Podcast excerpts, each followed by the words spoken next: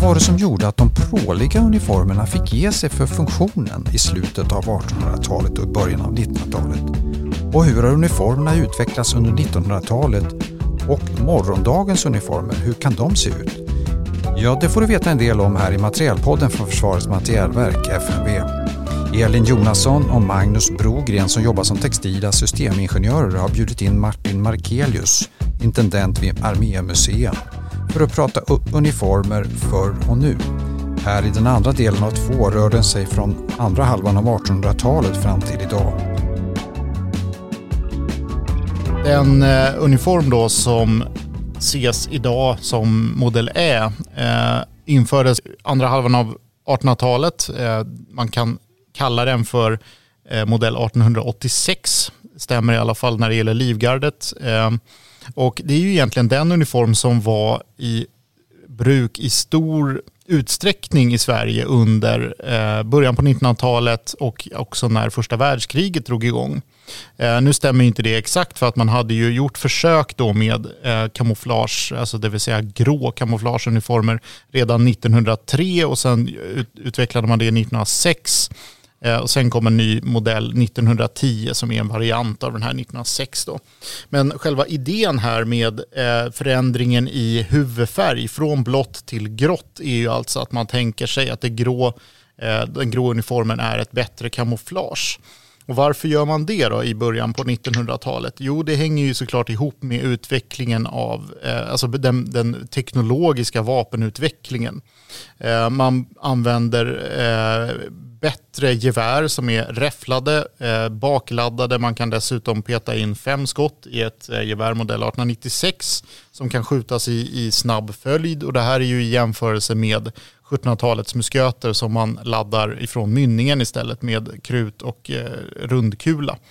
Eh, så det är ju en, en väsentlig skillnad och framförallt så har du en bättre träffsäkerhet. Parallellt med det här så utvecklas ju artilleriet i mycket, mycket större utsträckning och man kan skjuta mycket längre, man får bättre, mer effektiv ammunition och så får man ju inte glömma bort kulsprutorna som införs i slutet på 1800-talet. Allt det här gör att det funkar inte längre att köra med de här äldre uniformerna som är av 1800-tals typ. Nu i Sverige så var det ju väl inte världens katastrof med tanke på att de mörkblå uniformerna som användes under slutet på 1800-talet var ju ändå mörkblå. De var inte röda som eh, i till exempel England. Eh, och det var också eh, den brittiska armén som ändrade ifrån de äldre 1800-talsuniformerna som var röda till mer kamouflagetänk. Eh, de fick storstryk i början på boerkriget eh, och eh, införde då det här brunaktiga kaki-uniformerna för att anpassa sig mer till ja, terrängen helt enkelt i, i Sydafrika. Men då är det alltså här får det stiliga och propra som har spelat så stor roll tidigare få stå tillbaka eh, gentemot eh, eh, utvecklingen. Absolut, med inom vapen. funktionen liksom, mm. i, i, att man tänker nu helt plötsligt att man ska ha ett, ett visst kamouflagetänk. Um, och uh, det här är ju, Sverige är ju liksom inte först uh, i Europa uppenbarligen. Britterna var ju ännu tidigare, men man är ganska tidig med att börja tänka på det här ändå. Uh, Tyskland är väldigt tidiga med det här. Eh, inför grå kamouflageuniformer kan man ändå kalla dem 1907. Så de var ju uniformerade på det sättet när första världskriget drog igång. Fransmännen däremot körde fortfarande med sina 1800-talsuniformer fortfarande och det var en röd mössa, blå, mörkblå rock och röda byxor. Eh, och det var ju inte världens eh, höjdare naturligtvis i skyttegravarna.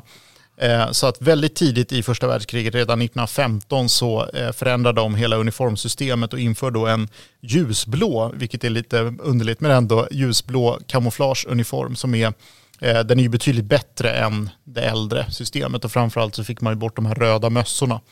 Ehm, och det är också intressant då att Frankrike som verkar ha legat väldigt mycket efter i uniformsmodet Eh, gentemot funktion då så, så, att säga. De var också snabbast med att införa stålhjälm för att skydda mot splitter. Det kom redan 1915 i Frankrike och det är faktiskt till och med tidigare än tyskarna som införde sin stålhjälm 1916. Eh, innan dess så körde de fortfarande med de här eh, eh, kaskarna då, eller pickelhuvorna som man också kan kalla dem. Eh, men de skyddar ju naturligtvis inte mot den här moderna krigföringen. Det är ju alltså en läder kask bara. Eh, så de är ju också tvungna att anpassa sig efter den, den verklighet som de ställdes inför då, så att säga. Och sen rullar ja, det ju på... Då blev det helt plötsligt ganska tungt att ha på huvudet då. Ja men precis, det är ju en viss skillnad såklart. Eh, men, men de, de är ju betydligt mer effektiva för att skydda mot, mot framförallt splitter. Man kan ju skjuta ja. igenom en sån här hjälm med, med ett, ett gevär men däremot så skyddar det framförallt mot splitter då så att säga. Men sen under... Och 19... dagens hjälm är ju en komposithjälm som ger något form av något visst, en visst skydd men det är också primärt så vitt jag förstår det då, splitterskydd. Mm, eh, men den är ju... Jag tror det finns olika, eller det finns ju olika nivåer ja. eh, beroende jo, jo, på precis. uppgift och eh, vart ja, eh, soldaten är verksam. Jo, men och sen under resten av 1900-talet så arbetar man ju med olika varianter på kamouflage eh, och i Sverige dröjer det ju ända fram till 1990 då innan eh, den typen av modernt spräckligt kamouflage kan man säga införs. Eh, man har gjort tester redan tidigare än så. Eh, det finns, vi har på, i Armé museumsamlingar eh, kamouflagejacka eh, från, jag tror att den är från 50-60-talet som har eh, runda prickar istället för det här kantiga systemet som vi har idag till exempel. Men det, det var aldrig någon populär Men det var variant. någonting som bara var prov och försök ja, det, ungefär. det är en, för, en för försöksvariant. Som, för de systemen som jag känner till som har varit på bred front, det är väl då 39 och sen 59 eller någonting sånt där va? Ja, precis. Eh, ja. 39-uniformen är ju eh, en, en, utveckling av det här hel, av det grå eh, kamouflagetänket. Eh, och Precis. där hade man moderniserat eh, hur, hur, uniformen såg ut rent funktionsmässigt och man hade tagit bort eh, Ja, tidigare då, i början på 1900-talet så fanns det fortfarande en del blåa detaljer kvar i uniformerna. Och de togs bort i och för sig redan 1923 23 och sen 1939 som är en, den stora uniformsförändringen så att säga. Eh, så tas Men och, det var den sista, och det var den sista ulluniformen för fält, eh, som fältuniform, eller hur? Ja, det kan man säga om man inte... För sen kom ju... Ja, sen, sen kom ju då 59 eh, som är i eh, bomull tror jag. Det här ja. vet ni bättre än jag. Eh, men parallellt med den användes Nej. ju modell 1958 som egentligen är en, en förändring av modell 39. Eh, så ja. då hade man ju två parallella uniformer, en för vinterbruk som var den här grå 58 och eh, modell 59 som användes för sommarbruk. Men den är ju helgrön, den här som heter modell 59, till skillnad från modell 90 då som är spräcklig i, i, i liksom ett kamouflagemönster. Ja, så det är st två stora förändringar där, både i materialval och i färg. Då. Och sen då efter, efter den då så kom ju en, ytterligare en modernisering då, eller vad man tyckte då, eller ja, en stor förändring i alla fall med, med M90-systemet då som både Precis. är spräckligt kamouflage och att det är en bomullpolyester. Eh, då har man de här nya moderna eh, syntetiska materialen som man börjar använda. Då. Och jag tänker också mm. att en, en stor skillnad är väl att man, eh, man tänker mer system, eller man tänker definitivt system. Ja, systemen blir mer och mer komplexa ja. Eh, och, och, och, kanske större variationer. Men man tänkte väl kanske system och metodik kring, kring det tidigare också då, systemsäkerhet och såna här saker då, men att det blir så mycket mer komplext nu då och att det är mer och mer materiel som man behöver beroende på stridsuppgifter och sånt där då, så behöver, behöver systemet vara ganska omfattande då. Och sen kommer det ja, mer och mer elektronik pratar man om allt sånt där också då. Absolut. Eh, mm. man, man, man, kan ju kalla modell 39 för ett system också. Eh, men det är nog inte riktigt lika eh, utarbetat som system om man jämför med modell 90. Till modell 39-systemet så användes ju en hel del äldre grejer eh, eh, jag tänker framförallt på till exempel ammunitionsgördeln som man hade eh, ammunitionen i så att säga som en vanlig soldat. Den fastställdes ju år 1900 med vissa förändringar 1912 tror jag. Den var ju fortfarande i bruk så att säga. Idag har man ju mer av, av ett system med liksom stridssele och, och olika typer av Eh, ja, jag vet inte, det här kan ju ni bättre, men olika typer av eh, ryggsäckar och liknande och sånt där som, är, som kanske hör ihop mer på ett ett naturligt sätt jämfört med, med äldre varianter. tenderar ju att bli mer och mer komplext. Att man, om man tittar på liksom en stridsväst idag och kontra en stridsväst bara som den som jag hade när jag gjorde lumpen som hette, vad hette den då? stridsbälte 304 eller någonting sånt där. De var liksom korslagda band på ryggen och sen knäppte man fast några fick, ja, ammunitionsväskor på den där. Den var ju väldigt enkel egentligen, den var ju funktionsduglig. Vi hade ju väldigt lite materiel egentligen då. Eh, så, som M90-systemet såg ut från början då, jag gjorde ju lumpen 95, det var ju, vi hade väl en den här fältskjorta, det var ju liksom en, en, en trikåtröja, långärmad med dragkedja som alla vet hur den ser ut och sen hade man väl en t-shirt och hade man någon varm tröja kanske. Och sen, jag menar, idag är det ju, vi har ju nätbrynja och det är lång och kort ärm och, och så vidare. Eh, så det finns ju mycket, mycket mer materiel idag. Jo, men det, det, det upplever jag också, även om jag inte är så kunnig på, på det moderna så, så upplever jag som att det är mer och mer specialiserat och, och, och komplext som du, som du säger förr då tänkte jag att det mer fanns här, en liten ryggsäck och en stor ryggsäck. Idag vet jag ju att det finns en mängd olika ryggsäckar som är då eh, specialanpassade beroende på vilken eh, befattning man har och sådär. Och jag menar, och det är väl eh, i de flesta fallen bra, eh, tänker jag, att, att man får ändamålsanpassad eh, utrustning som en, en ryggsäck som är gjord för eh, eh sjukvårdare ska ha, ska ha de funktionerna och inte bara ett stort svart hål som man stoppar grejerna i såklart. Eh, för att man ska kunna eh, verka. Liksom.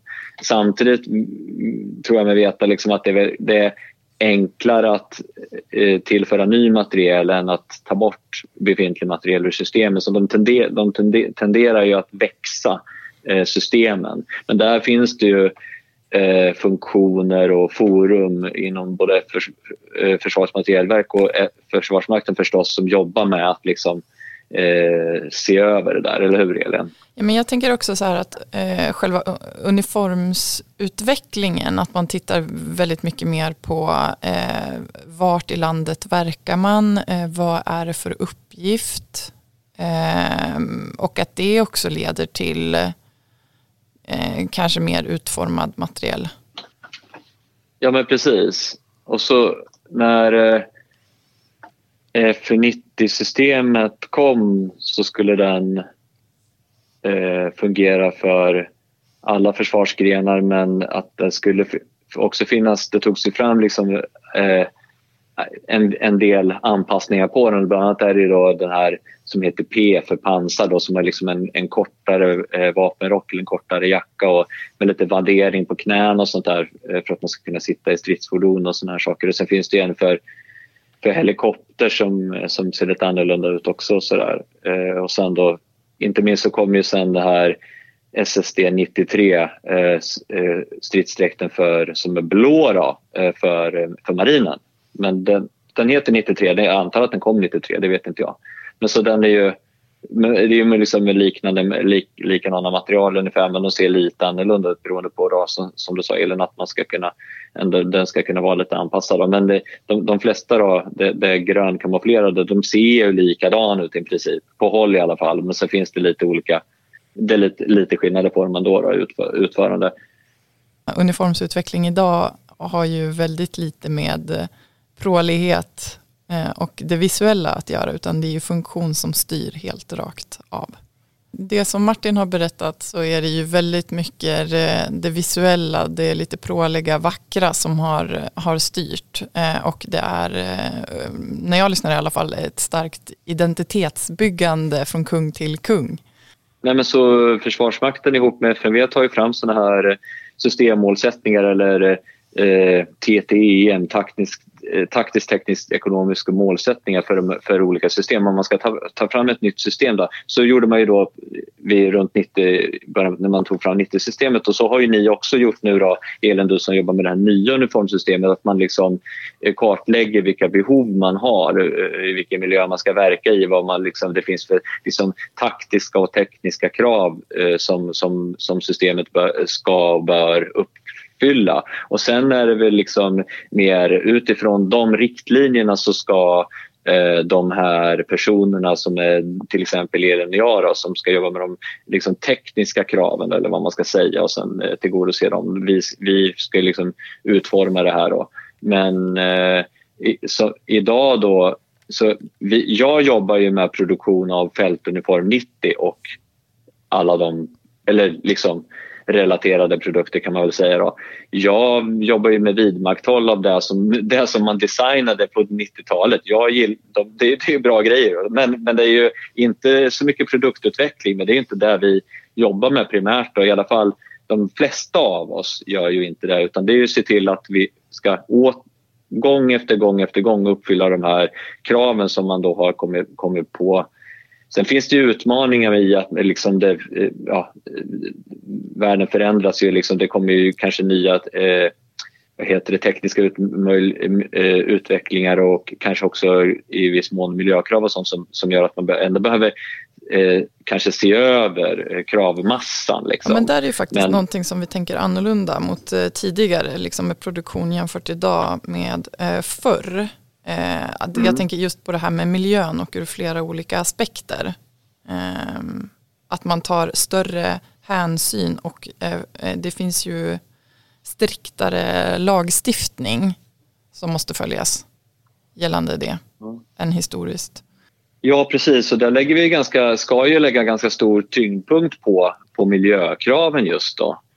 Eh, faktiskt. Både Försvarsmakten och FMV ska ju göra det. Sen är det ju alltid det där att att eh, vad heter det, väga och prioritera ett eh, tekniskt krav kontra ett, eh, liksom ett eh, miljökrav ett, och ett ekonomiskt krav eh, där man gör avvägningar. Då, liksom.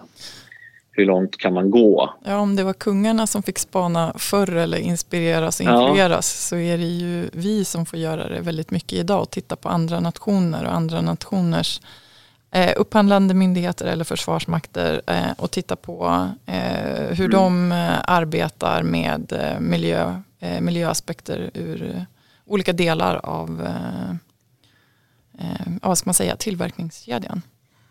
Ja, men precis, och det finns ju forum ju både där vi, alltså där, vi kan vara med så från, utifrån FMVs perspektiv då, i olika konstellationer där man kan då stöta och blöta sådana här frågor.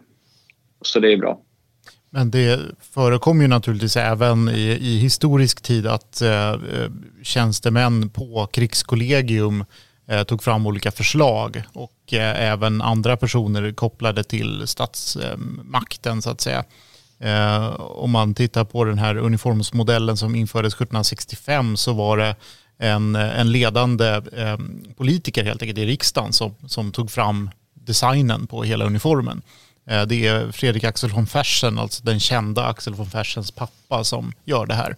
Eh, och han var själv med i kriget eh, mot Preussen och använde förmodligen sina erfarenheter därifrån. Och sen så satte han väl så och designade det här och sen vet man ju inte exakt om han hade ett helt gäng med gubbar som jobbade för honom. När han vet man om det här var av väldigt stort intresse eller om det var mer tilldelat riktat ut för den här uppgiften? Det står inte ett ord om det här i hans utgivna memoarer. Vilket är lite Nähe, intressant. Det var spännande. ja. Eh, men Jaha. däremot så vet man på grund av olika eh, liksom order och korrespondens att det är han som har, har tagit fram det här eh, uniformsystemet, om man vill kalla det för det, 1765. Ja. Så att nej, han kanske inte tyckte det var det roligaste uppdraget han fick. För då kanske han hade skrivit mer om det i memoarerna. Idag så är det ganska liksom, styrt och systematiserat ska vara. Sen har det liksom eh, förekommit eh, att man, att man liksom lägger till saker. Och, men jag, jag upplever i alla fall att eh, att då samarbetet mellan Försvarsmakten och FMV är rätt så bra där att man liksom försöker styra upp i det där att, man, att det inte bara ska läggas till saker. Det, det, det mesta utifrån kläd, klädväg utgår ifrån det här 90-systemet. Om man, om, om man då börjar verka i en annan miljö till exempel om man behöver åka till ett land eh, och, som har andra liksom miljö, eller, ja, klimat och miljökrav liksom, så behöver man ju ta fram någonting nytt då, men som ändå är liksom relaterat till det som ska vara en gränsyta mot ett befintligt system. Och då är det ju liksom då den här gruppen av av olika representanter där då Försvarsmakten har liksom funktionsföreträdare då som ska, eh, vad ska man säga, eh, summera ihop då för, Försvarsmaktens liksom, eh, eh, behov och önskemål. Då. eh, som översätts sen då till, en, till nya produkter. Liksom. Så det blir ja, precis som du sa Elin, samarbete. Det är ju en, en, en beställare, eh, Försvarsmakten eh, och en eh, upphandlande myndighet som då är FMV och som samverkar mellan. När FMV tar fram ett nytt system, det gäller ju inte bara uniformer, det kan ju gälla vad som helst.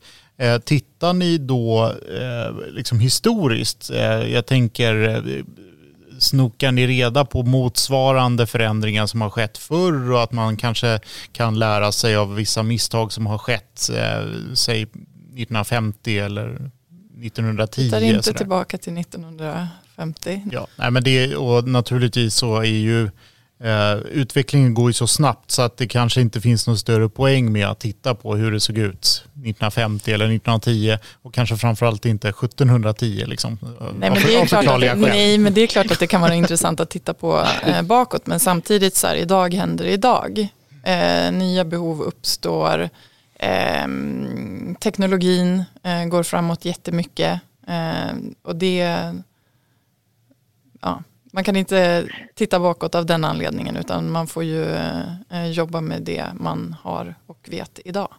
Absolut. Ja, men också är vår roll eh, Eh, tror jag har förändrats en del också, Elin. Eh, att eh, förr konstruerade man mer på FMV och idag så upphandlar vi saker och vi upphandlar också kompetens från våra leverantörer. Att de ska vara de som kan bäst. Vi ska kunna beskriva ett behov, ungefär översätta Försvarsmaktens behov till någonting som är lite mer konkret och sen ska de vara de som faktiskt är bäst på det här med, med vårt övervakande så att säga.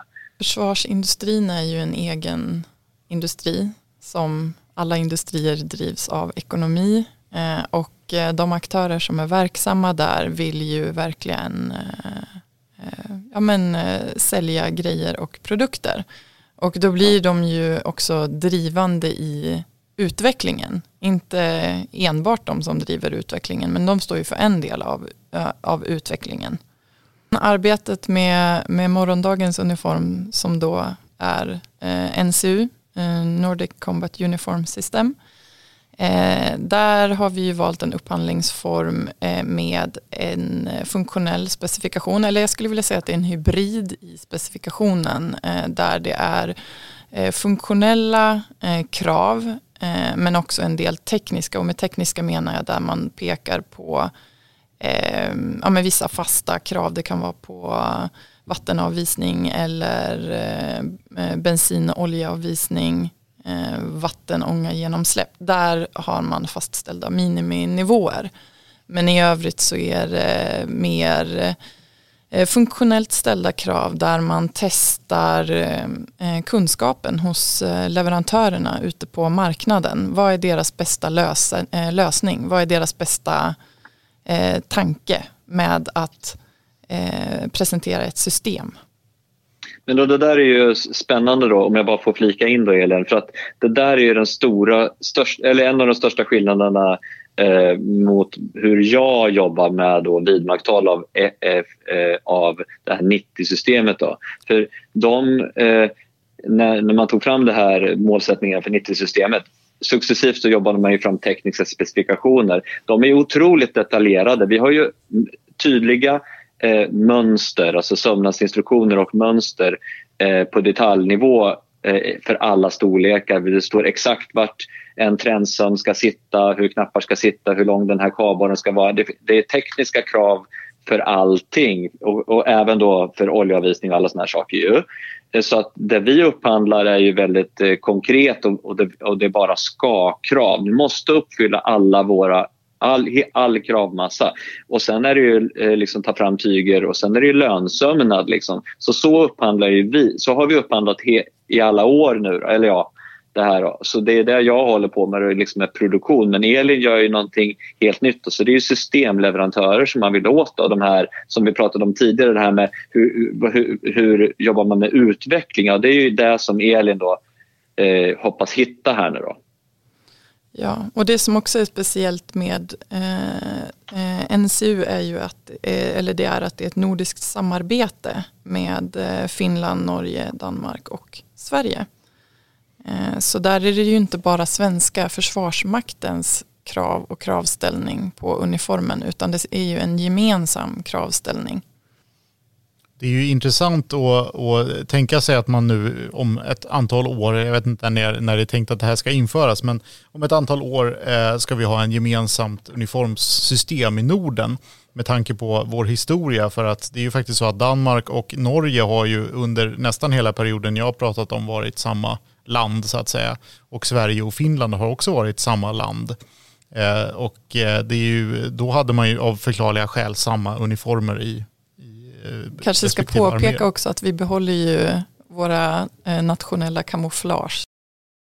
Om man tittar på de uniformer som både används, alltså modell 90-systemet och det framtida nu gemensamma nordiska systemet.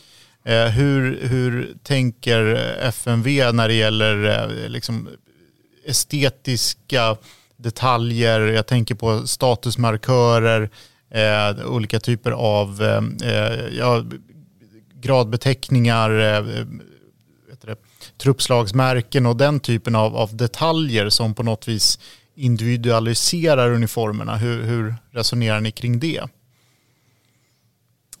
Eh, alltså den, den typen av eh, identifiering och eh, vad ska man säga, hierarkisk tillhörighet eh, finns ju kvar.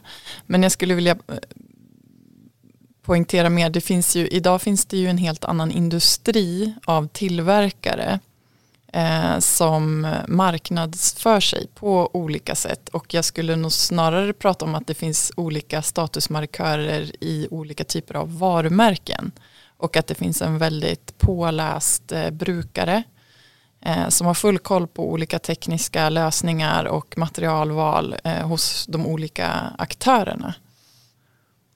Men då pratar ja, man ju inte om försvarsmakter så, men då pratar man ju om eh, en annan typ av, men det finns absolut.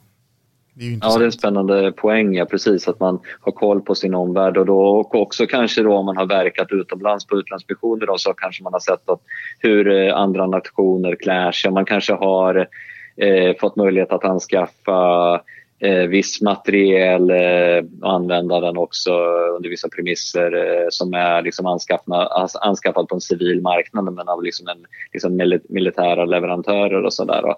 Och, då, och det kan ju vara en typisk statussymbol att man har kanske någon liten, liten detalj från ett eh, känt eh, varumärke då, som man kan ha som man kanske bara kan ha anskaffat på något speciellt sätt och sådär. Men då blir den folk som man har, man har ju öga för det där förstås då, så det kan vara små, små saker förstås.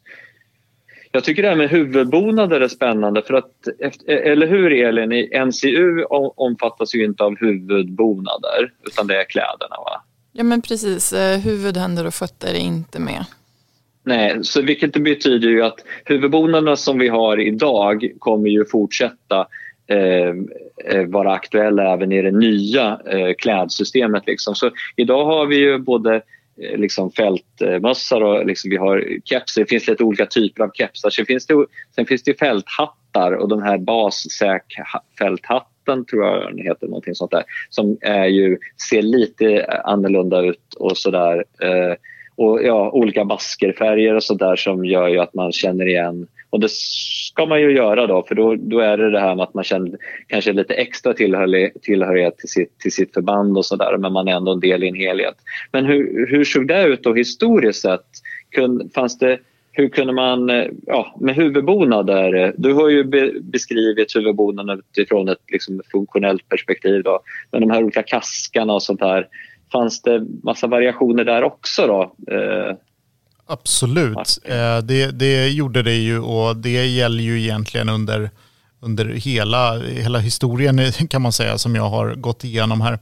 Eh, om man till exempel, bara som, som exempel tittar på Napoleontiden så hade ju Livgardet och eh, övriga liv och hustrupper, alltså nu pratar jag om kanske livgrenadjärregementena nummer ett och två och sådär, hade ju finare plåtdekorationer på sina huvudbonader jämfört med vanliga eh, infanteriregementen till exempel. Det, det finns en hel del tydliga detaljer som visar att man tillhör ett, ett eh, liv, och hu, liv och husregemente, alltså ett finregemente jämfört med gamla skruttiga Västerbottensregementet till exempel.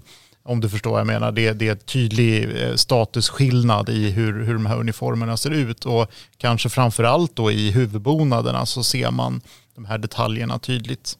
Eh, och det finns ju kvar även efter att de här kaskarna infördes 1845 eh, så är eh, den vanliga modellen som användes av alla infanteriregementen den är lite mindre dekorerad jämfört med liv och hustruppernas finkaskar som hade mycket, mycket större, mer påkostade plåtar. Men det är den typen av, av, av, statussymboler som man har använt. Och sen finns det ju andra detaljer av uniformen också naturligtvis. Men jag tror också att man kan se ibland lite eh, speciella typer av uppvik, alltså idag, eh, som är kopplat eh, till olika eh, förband eller regementen. Det finns en, en historik eller en tradition som man den lever än idag. Absolut. Sammanfattningen från eh, 1600-talet fram till idag och kanske även om vi ska våga kolla i spåkulan. Eh, jag får ju känslan och intrycket av att det har varit väldigt mycket eh, visuellt långt bak i tiden.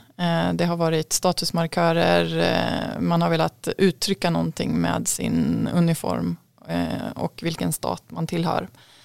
Det är tydligt att nationer har inspirerats av varandra Eh, av olika anledningar. Eh, jag ser också, jag tänker på den här teknologiska eh, utvecklingen av vapen som kliver in. Andra, upp, andra behov uppstår för uniformen. Och där vi är idag och tittar ännu längre in i, i spåkulan så är ju framtiden jätteosäker. Eh, den teknologiska utvecklingen går ju i ett rasande tempo. Utvecklingen av eh, AI. Det eh, är svårt att säga om framtiden.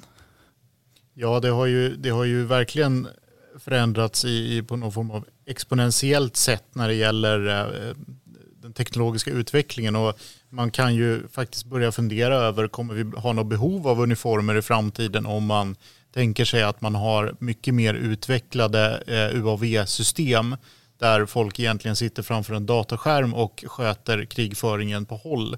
Eh, behöver man då verkligen ha uniformer ifall man nu går tillbaka till ursprungstanken att man ska skilja olika länders arméer från varandra? Ja, det är en jätteintressant fråga. Ja, eh, med tanke på också vårt senaste tillskott av eh, cybersoldater i Sverige.